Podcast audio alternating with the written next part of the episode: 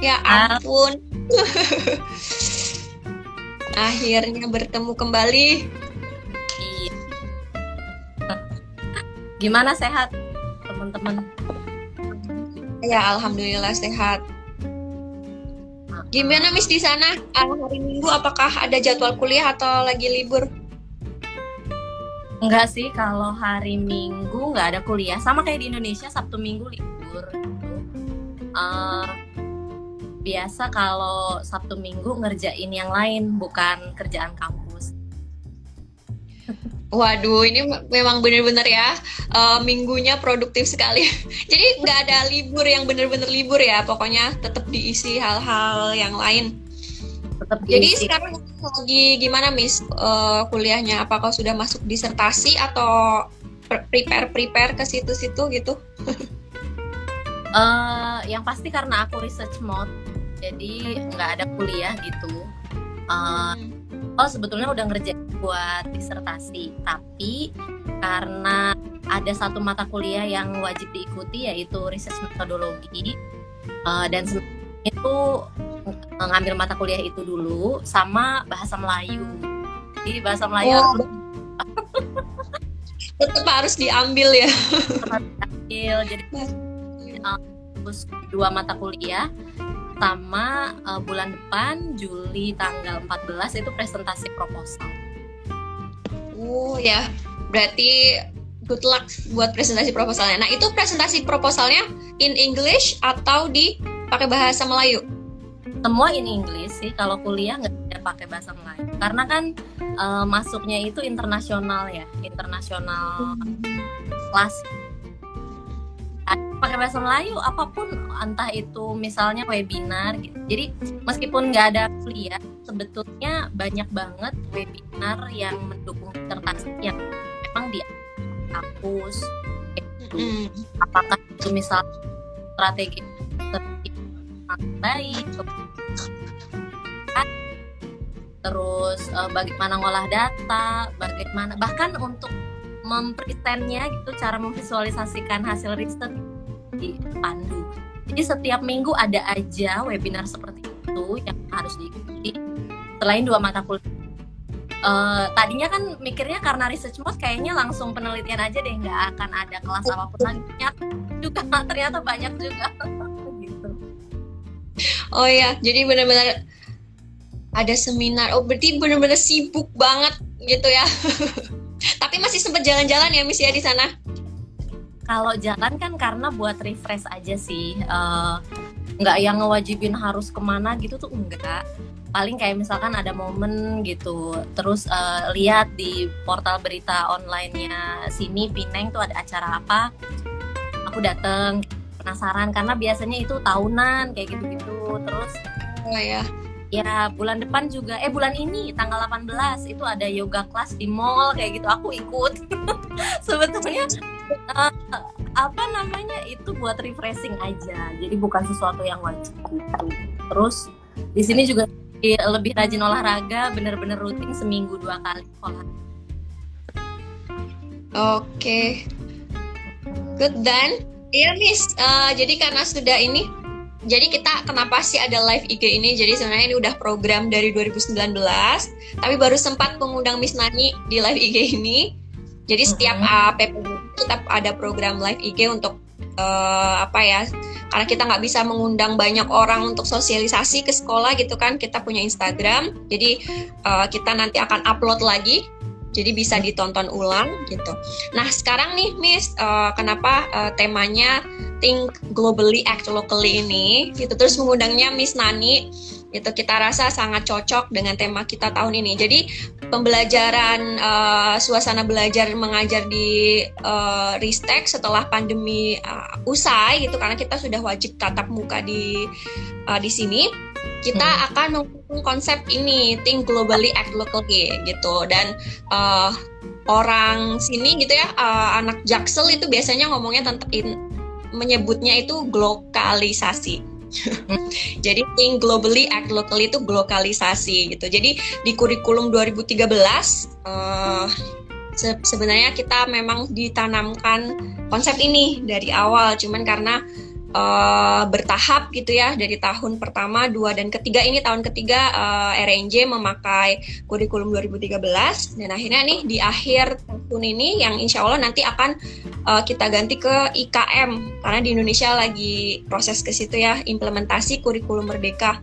Nah, sebelum kurikulum 2013 ini berpindah, jadi kita ingin cepat-cepat menerapkan globalisasi ini di Ristek. Nah, apalagi Miss yang sekarang lagi PhD di Malaysia, uh, bisa banget untuk memberikan wawasan juga tentang konsep ini di pembelajaran nantinya seperti itu. Dan uh, for your information, nanti full dengan Miss Nani, um, kita masih pakai Zoom pembelajarannya jadi kita blended learning masih itu ada yang tatap muka ke sini tapi untuk mata pelajaran yang Bisnani masih menggunakan Zoom meeting dan Google Classroom atau platform yang lain. Nah, Miss uh, sebagai intro dulu nih buat teman-teman semua dan Miss Nani kalau uh, Think Globally Act Locally ini uh, yang dicanangkan oleh Kemendikbudristek melalui kurikulum 2013 itu tuh punya tujuan agar uh, peserta didik atau warga negara Indonesia pada umumnya memiliki dorongan untuk memiliki wawasan global, namun dalam tindakannya tindakan lokal gitu. Jadi sesuai dengan kearifan yang dipahami di lingkungan setempat gitu. Jadi tetap punya wawasan yang luas, uh, terbuka terhadap uh, hal-hal baru, tapi tetap uh, memiliki karakter yang kuat karakter orang Indonesia. Nah, apalagi sekarang Miss Nani lagi berkuliah di luar negeri gitu ya, identitasnya masih Indonesia, tapi nggak boleh atau tetap harus open minded seperti itu ya. Jadi di IG live IG ini kita pengen Miss Nani sharing juga pengalamannya bagaimana dan kemudian belajar mengajarnya selama ini di uh, Ristek seperti apa gitu. Seperti itu Miss. Oke. Okay. Jadi kalau bicara tentang global uh, luas tuh sejak lama gitu loh, sejak dulu kala. sejak kalau misalkan kemarin belum pikirannya belum terbuka kayak gitu ya, belum open minded, belum toleran, kemudian Betul. sebagai keragaman itu harus dimulai dari sekarang sih. Jadi eh, nggak ada kata lain selain segera dan mulai hari ini gitu. Jadi kita harus berpikir luas karena uh, ternyata kita hidup bukan cuma di komunitas ini gitu ya. Bukan dengan suku kita sendiri bukan dengan yang seagama dengan kita kayak gitu. Kemudian juga uh, bermacam perspektif sudut pandang. Jadi segala perbedaan itu harus diterima bukan cuma dari sisi uh, etnis agama gitu bukan. Tapi juga uh, cara berpikir gitu. Kalau selama ini pikir bahwa yang betul menurut kita itu A gitu. Tapi ternyata setelah kita melangkah sedikit keluar gitu oh ternyata ada A plus kayak gitu. Atau ada A kuadrat kemudian atau ada AB dan lain sebagainya. Nah yang kayak gitu-gitu uh, itu memang harus dialami sih gitu. Kalau kata orang biasanya kita uh, kurang kurang ngena gitu ke diri kita. Tapi kalau kita alamin sendiri kayak saya meskipun baru negara tetangga dengan Indonesia gitu ya itu banyak banget perbedaan. Mungkin teman-teman akan ngira oh bahasanya hampir sama gitu kan. Terus mayoritas muslimnya juga sama. Kemudian apalagi uh, uh, uh, cuacanya juga sama gitu. Kayaknya nggak akan ada kesulitan ya kata siapa gitu. Jadi berbagai perbedaan dan perubahan itu saya alami gitu. Kalau ngomong cuaca misalnya. Oke okay, cuman musim uh, panas dan hujan. Tapi di sini tuh malamnya lebih lama terus siang uh, paginya juga lebih lebih siang gitu. Contoh kayak jam setengah sembilan malam deh di sini. Itu baru gelap. Kalau di Indonesia kan jam 8 uh, jam enam sore itu udah gelap gitu kan.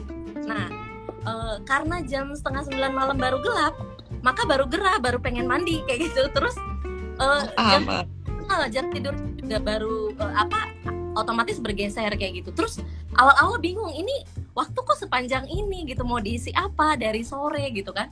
Oh akhirnya setelah ke sini ya banyak hal yang bisa dilakukan apakah itu mereview jurnal gitu. Pokoknya tiga bulan pertama tuh sama lingkungan struggling banget sih gitu. Terus bangun pagi juga. Misalkan bangun jam setengah enam aja itu bener-bener gulap gulita.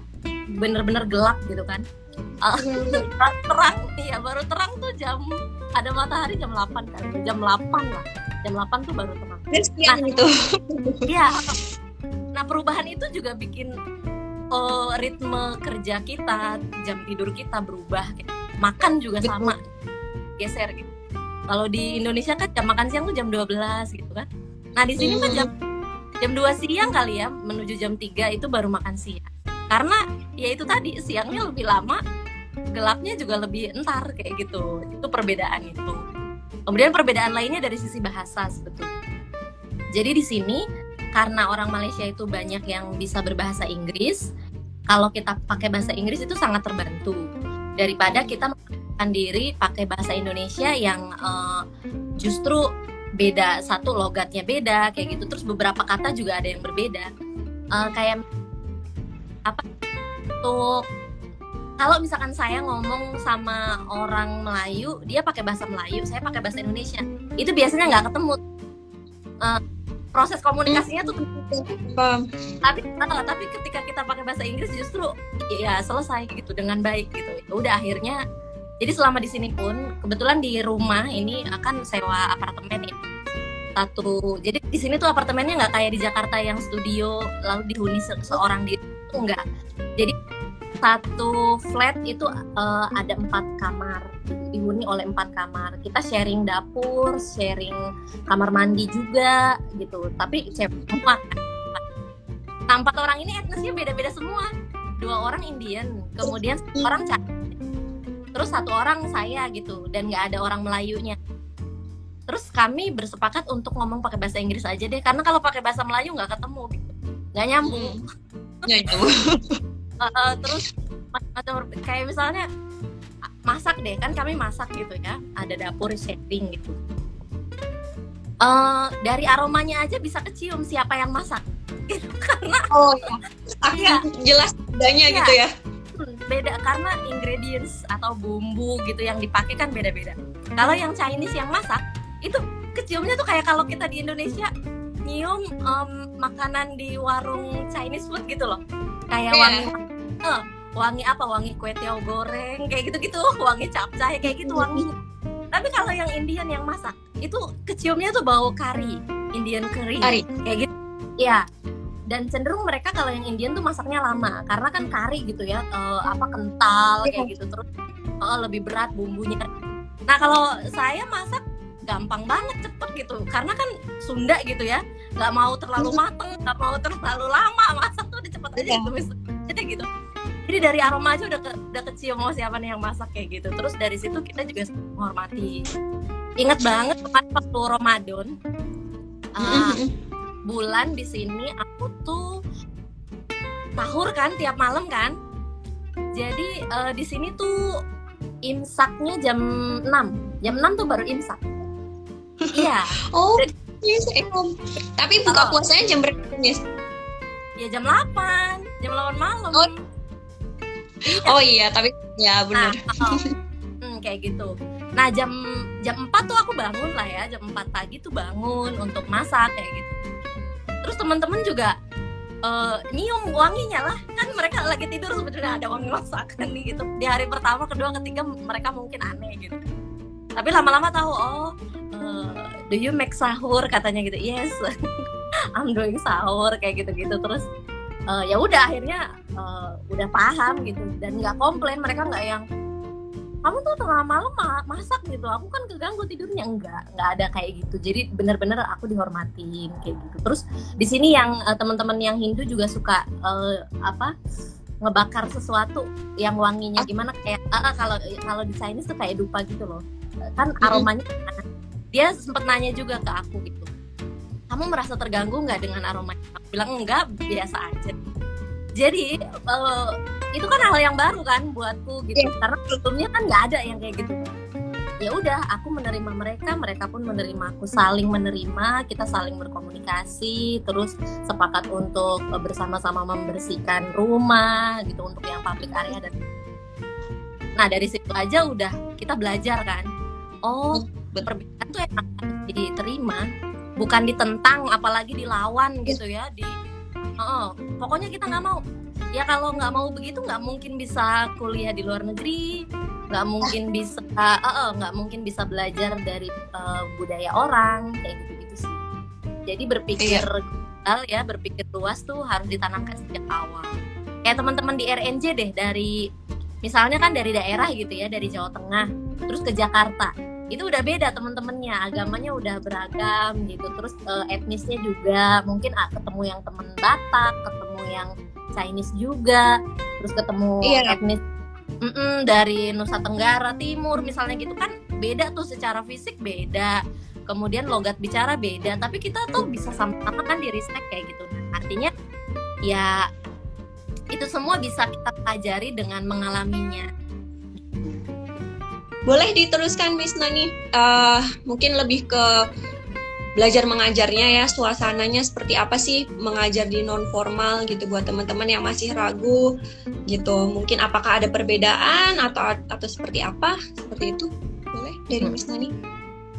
Oke, eh, saya ngajar di formal juga di kampus gitu, Ya, komunikasi di tiga kampus swasta di Jakarta. Dan Wah, itu mantap. agak berbeda dengan ketika saya mengampu mata pelajaran di eh, sekolah non formal di PKB. Jadi di Ristek tuh saya dari 2012, dari waktu kuliah S2 sampai sekarang udah 2022. Udah 10 tahun. tahun. Masya Allah. Ya. Nah, Mantap sekali. Itu eh, saya merelakan semua weekend saya untuk eh, teman-teman di PKBM selama 10 tahun itu gitu. Jadi saya rela untuk tidak jalan-jalan di hari Sabtu Minggu, tapi memilih untuk menyapa teman-teman dengan mengampu waktu dulu selain ekonomi ada Inggris juga. Tapi kalau sekarang kan Inggris ada Matias gitu. Jadi ekonomi selain sayanya juga sibuk banget kalau ngampu dua mata pelajaran tuh kayaknya udah teler duluan gitu. nah, eh, sedikit berbeda eh, belajar di yang formal dengan yang non formal. Kalau yang non formal selain memang mata pelajarannya dibuat compact gitu ya, dibuat lebih padat, karena kan kemampuan teman-teman menyerap materi juga tidak se tidak seintens itu gitu biasanya karena sibuk bekerja karena sudah seharian beraktivitas kayak gitu-gitu eh, belajar tuh tetap ada keinginan gitu kan. Ada keinginan untuk belajar untuk hidup yang lebih baik. Maka ya disesuaikan gitu loh saya sesuaikan. Terus biasanya di akhir sesi juga selalu eh, membuka sesi tanya jawab yang itu ternyata bukan cuman seputar pelajaran sih kalau di non formal tuh nanyanya yang lain-lain gitu biasanya cenderung ke motivasi. Jadi mereka tuh pengen dimotivasi lebih gitu kalau di yang non formal. Kalau di formal tuh enggak. Eh, tentang mata kuliah ya udah mereka akan jauh lebih banyak bertanya soal mata kuliah.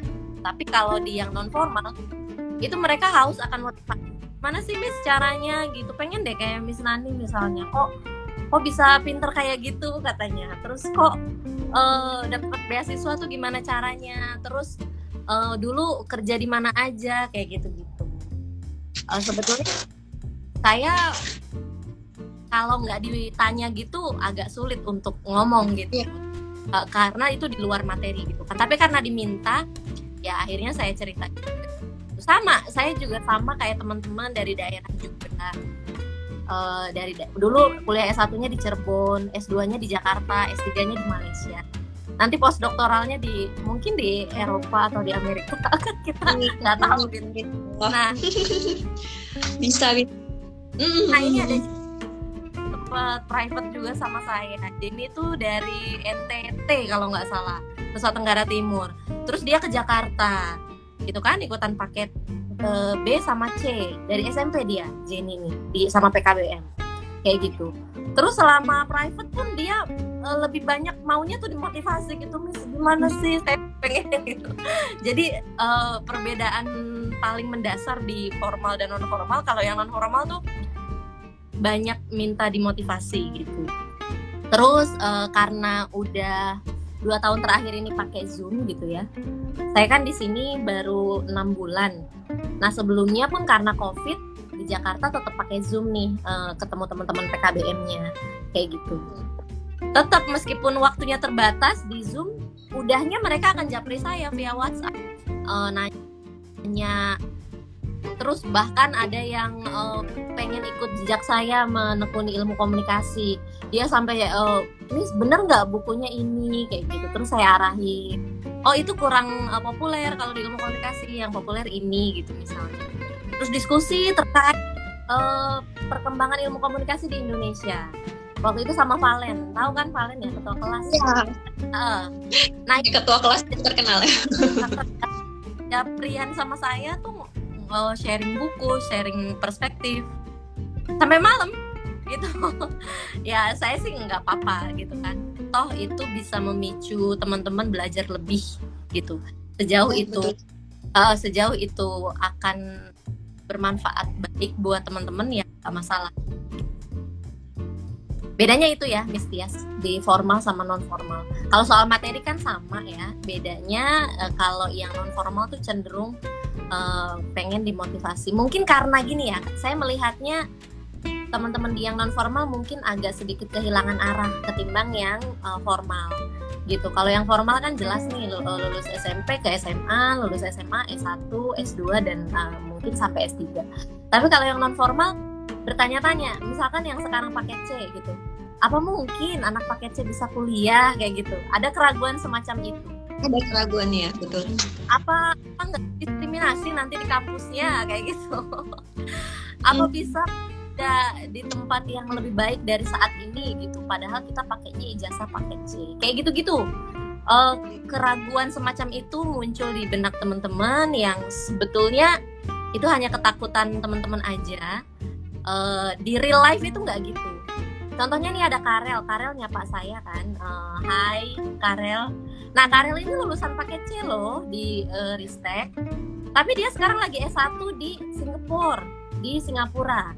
Sama adiknya juga sama lulus paket C juga. Lagi kuliah di Singapura juga. Artinya apa?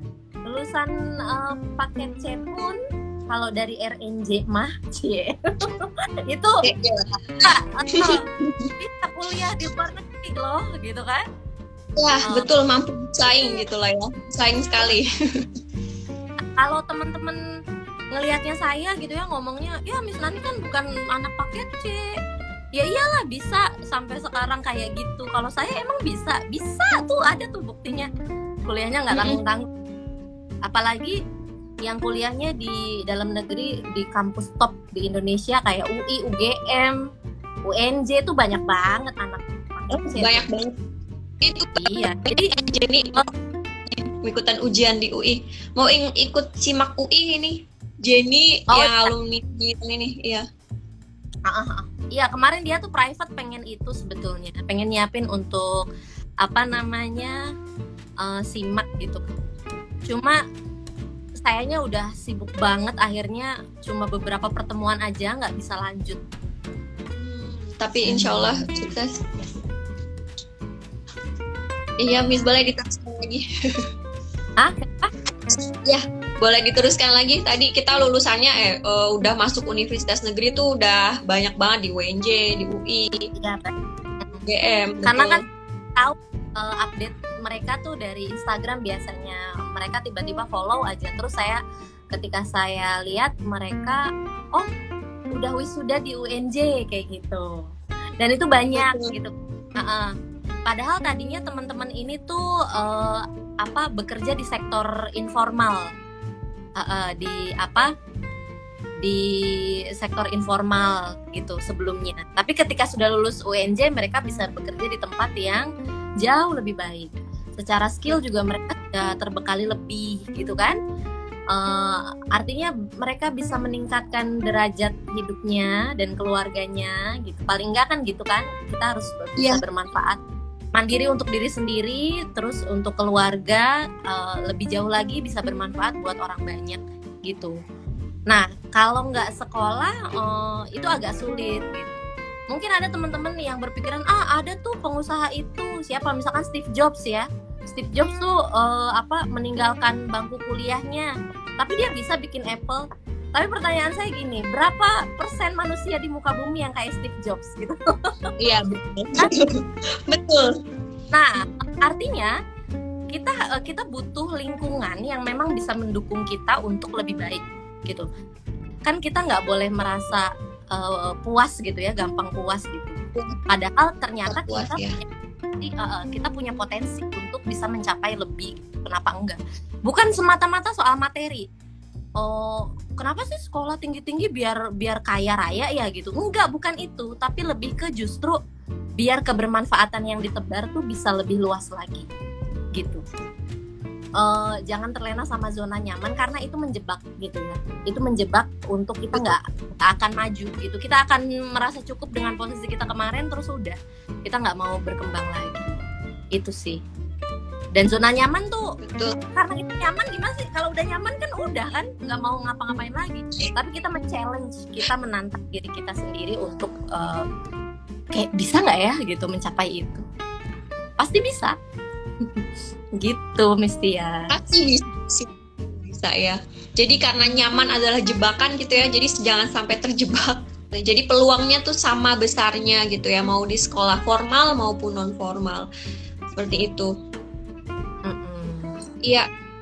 Apalagi untuk program homeschooling ya beberapa memang uh, banyak siswa dari kita yang homeschooling juga karena mereka memang uh, memilih apa namanya mereka bisa menggeluti juga uh, bidang yang sedang dia uh, mereka inginkan seperti itu ada yang bekerja ada pun uh, mereka yang sedang mengumpulkan portofolio untuk kuliah gitu ya. Beberapa ada salah satu murid homeschooling saya yang memang uh, yang di Ristek juga sedang mempersiapkan portofolio kuliah di luar negeri. Mm -hmm. jadi uh, apa sambil prepare itu karena kalau di sekolah formal kan tidak bisa ya karena Senin sampai atau weekdays itu mereka harus masuk. Tapi kalau di sini weekdays dia bisa ikut komunitas bisa uh, ikut seminar-seminar gitu. Dan kemudian weekend ataupun di hari yang dia uh, bisa karena homeschooling kita datang ke rumah jadi bisa disesuaikan gitu belajarnya dan tidak tertinggal seperti itu. Iya betul. Jadi sebenarnya program ya di non formal itu menarik banget gitu untuk di kalau kelasnya Miss iya. Nani nih. Jenny aja udah kangen Miss Nani padahal baru beberapa bulan. Menjadi alumni. Iya. uh, nah terkait satu di luar negeri gitu misalnya kuliah di luar negeri gitu. Memang nggak singkat ya kita harus mempersiapkan banyak hal. Dari sisi bahasa Betul. kan nggak mungkin kita ujuk-ujuk tes IELTS atau tes TOEFL IBT itu harus prepare dulu tuh. Prepare-nya ada yang enam bulan ada tahun kayak gitu itu baru dari sisi bahasa belum dari uh, sisi mata pelajaran yang mau diambil gitu. Bidang studi apa prodinya itu ngambil apa kayak gitu. Itu juga harus uh, pelajari gitu. Jadi perjalanan panjang persiapan studi itu. Buat teman-teman yang mau sekolah pakai beasiswa yang pasti beasiswa tuh banyak banget ya. Beasiswa tuh banyak banget. Mungkin yang nggak teman-teman tahu tuh infonya kayak gitu infonya tuh ya harus dicari sih caranya dengan misalnya kalian follow Instagram atau sosial media yang uh, memang memprovide info-info uh, tentang beasiswa kayak gitu. Oh ya ini sudah ada yang bertanya nih dari Mumtaz underscore Strosanti. Culture shock apa yang pertama kali diperoleh di Malaysia? Nih Miss Nani. Culture, Culture. shocknya apa? Jadi tadi selain ya, tadi waktunya uh, perbedaan waktu dan malam. oh, sama sebenarnya yang pertama kali kelihatan tuh ini apa uh, lingkungan ya. Jadi di sini tuh bersih. Di sini tuh bersih banget, nggak kayak di Jakarta. itu itu saya saya sampai mikir ini orang-orang gimana ya caranya cara ngumpetin sampahnya tuh gimana ya karena karena jalanan tuh bersih banget. Kayak gitu. Uh, jadi di jalanan tuh sampahnya sampah dari pepohonan gitu loh. Kayak misalkan bunga-bunga yang jatuh terus eh, daun-daun kering yang jatuh. Kan justru itu malah estetik ya. Jadi kayak sampah Betul. plastik. Iya kayak gitu tuh nggak ada. Kayak gitu. Jadi loh saya kaget awalnya. Terus saya nyari-nyari gitu tong sampah mana ya tong sampah mana? Tong sampah juga jarang. Jadi memang orang-orang tuh terbiasa untuk ketika nyampah ya dia pegang dulu sampahnya baru nanti kalau nyampe rumah ada tong sampah baru dia buang ke situ. Itu culture shock sih. Itu saya shock gitu karena sebelumnya di Jakarta sampah di mana-mana kan? Kayak gitu. Iya Jadi betul. Eh, padahal tong sampah lebih banyak di Jakarta ketimbang di sini. Di Penang tuh tong sampah dikit tapi sampahnya nggak ada. Makanya saya sampai ah betapa orang-orang di sini sangat-sangat disiplin menjaga ya eh, menjaga kenyamanan bersama itu keren banget. Itu sih. Selain tadi soal waktu ya eh, culture shocknya kemudian eh, makanan juga sebenarnya sama sih. Eh, gini dulu di Jakarta tuh banyak yang jualan ya gerobak-gerobak gitu kan. Ada gerobak eh, mamang bakso, mie ayam, nasi goreng, terus apalagi somai, ada yang jualan jagung, pudding gitu kan. Nah, ini tuh nggak ada yang kayak gitu. Jadi saya pas Jadi- datang, pas datang tuh, kok nggak ada gerobak jualan makanan sih? Kan saya pengen jajan gitu. Tapi akhirnya, eh, iya kondisi ini memaksa saya untuk masak sendiri. Dan setelah itu ternyata jauh lebih sehat gitu. Berat badan terkontrol, makan jajannya nggak pernah sembarangan, kemudian olahraganya rutin, jadinya malah bagus ke kesehatan. Itu culture shock yang unik sih. Sederhana tapi Iya. itu itu life changing banget loh buat buatku. Heeh. Tapi mungkin untuk segi eh, apa ya suasana bersosialisasi dan sebagainya tuh agak mirip dengan Indonesia kali ya Miss ya. Bersosialisasi. Hmm. Nah, orang eh, misalnya menyapa atau seperti apa gitu. Oh, eh, ramah gitu ya, keramahan gitu ya. Orang Malaysia tuh sebetulnya ramah gitu ya, ramah. Tapi karena logat bicaranya tuh agak seperti itu, kalau saya eh, agak menyamakannya dengan etnis Medan kalau di Indonesia. Jadi ngomongnya tuh kayak agak marah gitu, tapi sebetulnya nggak marah. Eh, mereka tuh ramah. Eh, kalau kita senyum ya dia dia senyumin, senyum balik gitu ya. Terus eh, di tempat-tempat umum gitu eh, kita tuh di, disebut gitu loh dipanggil. Kayak misalkan saya dipanggil adek gitu sama orang yang lebih tua dari saya adek kayak gitu. Dan itu tuh bukan bukan apa ya bukan menggoda itu bukan tapi justru sopan kayak gitu. Terus, Hmm, eh, kayak- betul. Oh, ibu tuh akan manggil saya tuh biasanya sayang. Ini sayang sayang. Saya agak aneh gitu. Dulu kan siapa yang manggil saya sayang di Jakarta? Ya Mbak Irma. Oh, paling dipanggilnya Mbak. gitu. Kalau di Indonesia tuh panggilnya di Mbak, Kakak atau Ibu gitu kan. Atau Neng gitu kan. Nah, kalau di sini tuh "Mm-mm, eh, sini sayang, sayang. Saya sampai nengok-nengok itu maksudnya tuh siapa ya manggil siapa? Oh, oh saya. Oh, saya dipanggil sayang. Oh, orang-orang sini tuh ramah banget ternyata gitu. Ramah kok, ramah. Aduh, ini- Pada tidak sabar aku belum dijawab nih Miss, belum dijawab. Iya, sabar ya. pertanyaan yang mana? Ini, ini si Jenny kayaknya emang nih sangat antusias nih bagaimana eh, lika-liku tinggal dan sekolah di luar negeri. Ini kayaknya Jenny nanti S2-nya juga mau ke luar negeri nih setelah dari UI. Gimana nih Miss tantangannya eh, yang bisa kita prepare gitu ya? Nanti Aha. semisal punya kesempatan buat bisa sama kuliah di luar negeri juga. Mm-mm. Boleh di langsung Yang- dijawab Miss? Uh, uh, ketahui uh, ketahui aja uh, kebiasaan orang-orang di sini tuh seperti apa gitu. Taunya dari mana? Macam-macam. Kita sekarang di era keterbukaan informasi ini kita bisa mengakses segala macam info yang kita butuhkan dari blog orang, dari portal berita, kemudian dari uh, apa postingan video di YouTube dan lain-lain gitu. Itu bisa kita pelajari. Jadi ketahui mereka gitu. Kemudian yang selanjutnya adalah kita harus bisa membawa diri kita sih, membawa diri dengan baik gitu ya. Kayak saya kuliah tuh sebetulnya selalu online nih, sampai sekarang gitu kan semuanya online. tapi karena kita ada grup ya grup kelas tuh ada yang telegram ada yang di WhatsApp ada yang uh, sekampus ada yang seprogram studi ada yang satu mata kuliah gitu jadi grup tuh udah banyak sekarang dan di grup uh, semua baik teman-teman baik gitu ya sejauh ini nggak ada yang macem-macem Uh, semua berkomunikasi dalam bahasa Inggris, chatting bahasa Inggris. Kita juga kalau misalkan ada Zoom gitu ya pakai bahasa Inggris semua, maka kemampuan bahasanya harus matang biar uh, kita bisa mingle sama yang lain gitu kan karena di grup itu ada pertanyaan misalkan gimana nih sekarang situasi di Malaysia udah gimana? Kampus sudah nerima belum? Mahasiswa internasional gitu. Karena aku datang lebih dulu dari Desember 2021 udah di sini artinya aku udah ngalamin kan berbagai macam fase ininya gitu loh seleksi di kampusnya seperti apa untuk sisi covid gitu loh. Apalagi sekarang udah nggak ada lagi karantina bahkan nggak perlu PCR lagi.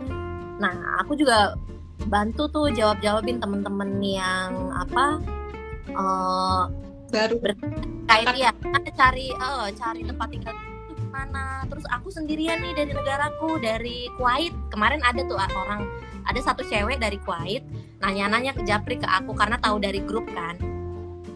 Katanya gimana terus aku bilang aku juga dari Indonesia seorang diri dan gak kenal siapa pun di sini. Dan sekarang aku hidup dengan baik di sini udah nyaman kayak gitu. Katanya wah kamu berani sekali. Terus aku bilang kamu juga harus berani harus berani sekali sama terus ya oh, dia merasa terbantu banget. Terus aku kasih link website untuk nyari tempat tinggal di sini. Tuh ada iBilik namanya di sini. Bilik bilik itu kan kamar ya bahasa Melayu tuh. Jadi ada iBilik websitenya. Kamu bisa pilih apartemen di situ sesuai budget kamu. Terus kamu mau lingkungan yang kayak gimana? Mau yang campur cewek cowok apa khusus cewek aja terus mau yang khusus uh, etnis kamu aja atau yang campur internasional kayak gitu-gitu itu semuanya jelas. Itu dia sampai yang berterima kasih banget. May may Allah God bless eh, may God bless you. May Allah bless you Nani. You are so kind gitu-gitu. Dan itu lumayan banyak yang nanya kayak gitu terus japri-japri gitu. Oh, ini kok kamu baik banget sih? Kita kan belum pernah ketemu. Kok kamu ngasih ngasih info gitu sih? Ya orang Indonesia. iya jadinya secara nggak langsung uh, mereka jadi mikir oh orang Indonesia tuh semua kayak dia kali ya ramah kayak gitu ya makanya terkenal ya terkenal ramah gitu. Kalau saya mikirnya apa yang kita tahu? Terus orang nanya ya kasih tahu aja sih. Nggak usah khawatir kita kehilangan yeah. apa pun gitu. Justru malah kita akan dapat lebih nanti. Gitu. karakter yang orang Indonesia banget nih. Jadi Miss uh -uh. Nani tuh udah banget ini melaksanakan globalisasi ini di sana. Udah uh, berpikir secara terbuka karena toleransi sama teman-temannya terus act-nya masih locally banget ya. Saya dibilang baik banget sih Miss Nani gitu ya. Iya saya orang ya. Indonesia begitu ada grup di riset metodologi mata kuliah. Itu kan memang kita harus berkelompok gitu kan. Sampai aku tuh dijapri banyak banget orang yang pengen sekelompok sama aku gitu ada orang dari dari Shanghai tuh dari Cina. Jadi dia bukan bukan orang Malaysia yang etnisnya Chinese bukan. Tapi memang dia orang Cina gitu. Dia ngejapri hmm. Deborah gitu. E, Nani kamu udah dapet kelompok belum? intinya gitu kan. Terus aku bilang udah aku udah udah mau selesai ininya. Wah padahal aku pengen oh, iya. sama kamu katanya. Kamu kayaknya kayaknya enak ya diajak sekelompok. Terus terus aku bilang jadi dia tuh cuma tahu dari ini loh kayak misalkan ada orang nanya di grup aku jawab kayak gitu. Ada orang uh, uh, orang nanya ini kelas sebetulnya mulai nggak ya? Kok linknya nggak ada? Terus aku kasih linknya karena aku udah berhasil join tuh di link Webex-nya. Webex tuh kayak Zoom gitu. Terus ya ada. Uh, uh, jadi mereka tuh punya anggapan ini anak ini nih kayaknya rajin deh. Terus uh, kayaknya up to date deh terkait info-info perkuliahan gitu jadi mereka berlomba-lomba chat aku Japri? gitu. Minta aku jadi kelompoknya dia. Aku bilang enggak aku udah punya kelompok. Kayak gitu. Udah full. Ya udah udah full iya. gitu. Udah full iya. Seru banget. Dapat beasiswa luar negeri. Hmm, nah kalau syaratnya apa dan bagaimana bisa langsung ngobrol sama Miss Nani ya di luar ini. Ini nanti kalau ngobrol tentang beasiswa punya sesi sendiri biasanya kita panjang lebar. Syaratnya juga based on dari kamu mau apply di mana, di negara apa, kayak gitu. Biasanya mereka punya syarat masing-masing seperti itu. Ini makanan oh Malaysia mayoritasnya Muslim atau bagaimana Miss? Hmm, Muslim ya sepertinya Miss Nani. Muslim mayoritas Muslim karena, karena etnisnya ada tiga tadi kan agamanya juga jadinya ada tiga eh, yang Melayu Muslim kemudian yang Indian itu Hindu terus eh, yang Chinese itu ada yang Buddha ada yang Kristen Mhm. Miss Nani hari ini ada agenda lagi jam berapa? Kita sudah ngobrol hampir satu setengah jam. Eh, ren- ini mau take video buat tugas ada quiz yang mau di upload karena setelah itu mau beli duren jadi di sini tuh lagi musim duren Mantap. Oke Miss, kayaknya sepertinya sudah tidak ada yang ingin bertanya lagi. Miss Nani boleh memberikan closing statementnya tentang tema kita hari ini, Thinking Globally, Act Locally ini. Berpikir global, bertindak lokal.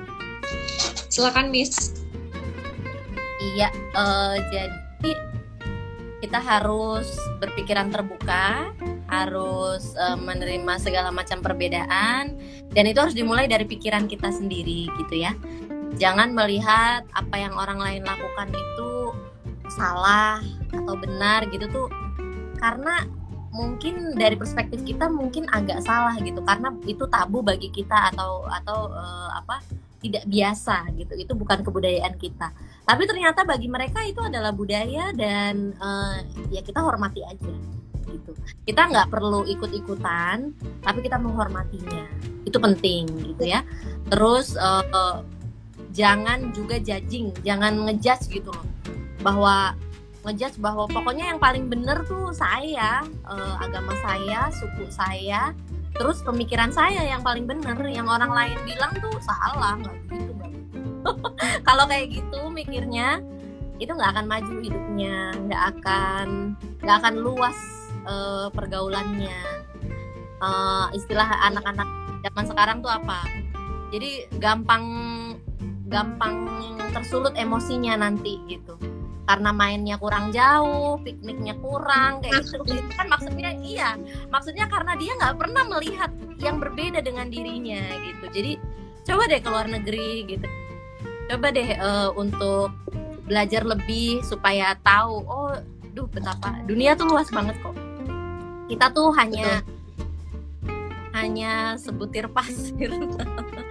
Tapi kita bisa bermanfaat untuk orang lain cara eh, dengan cara terus apa namanya melanjutkan pendidikan. Jadi buat teman-teman yang merasa masa lalunya itu tidak seindah teman-teman yang lain yang bisa sekolah formal dengan lancar dari awal sampai akhir gitu.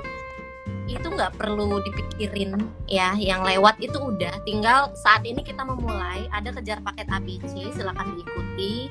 Kemudian siapin buat kuliahnya, terus eh, kalian rancang mimpinya mau jadi apa mau bergerak eh, berkarir atau berbisnis di bidang apa itu semua sangat sangat mungkin. Ya nggak ada yang nggak mungkin. Oh saya nggak punya uang saya mis banyak beasiswa ya. Jangan jangan ngeles melulu gitu. Kalau kebanyakan tapi tapi kan anu tapi kan saya ini. Kalau kayak gitu nanti nggak jalan-jalan nggak maju-maju gitu. Jadi tantang diri karena kita punya kemampuan. Otak kita tuh asal kita set dengan eh, yang kita mau bisa kok gitu. Kita bangun rutinnya gitu kan. Terus kita kelilingi circle dengan yang memang kita mau gitu. Terus kita nggak perlu terlalu dengerin omongan orang kalau kita sudah fokus sama apa yang menjadi tujuan kita sendiri Bagus banget nih, ya bener banget teman-teman. eh apa yang Miss Nani sampaikan tentang eh, tema kita hari ini. Begitu, eh, Miss Nani, eh, sekali lagi terima kasih sudah meluangkan waktu Miss Nani yang sangat berharga. Miss Nani itu pasti sibuk banget, tapi meluangkan waktu. oke terima kasih semua ya Ya. pamit Terima kasih Miss Nani. ya Kita dadah dulu. Selamat melanjutkan aktivitas dan menikmati duriannya, Miss.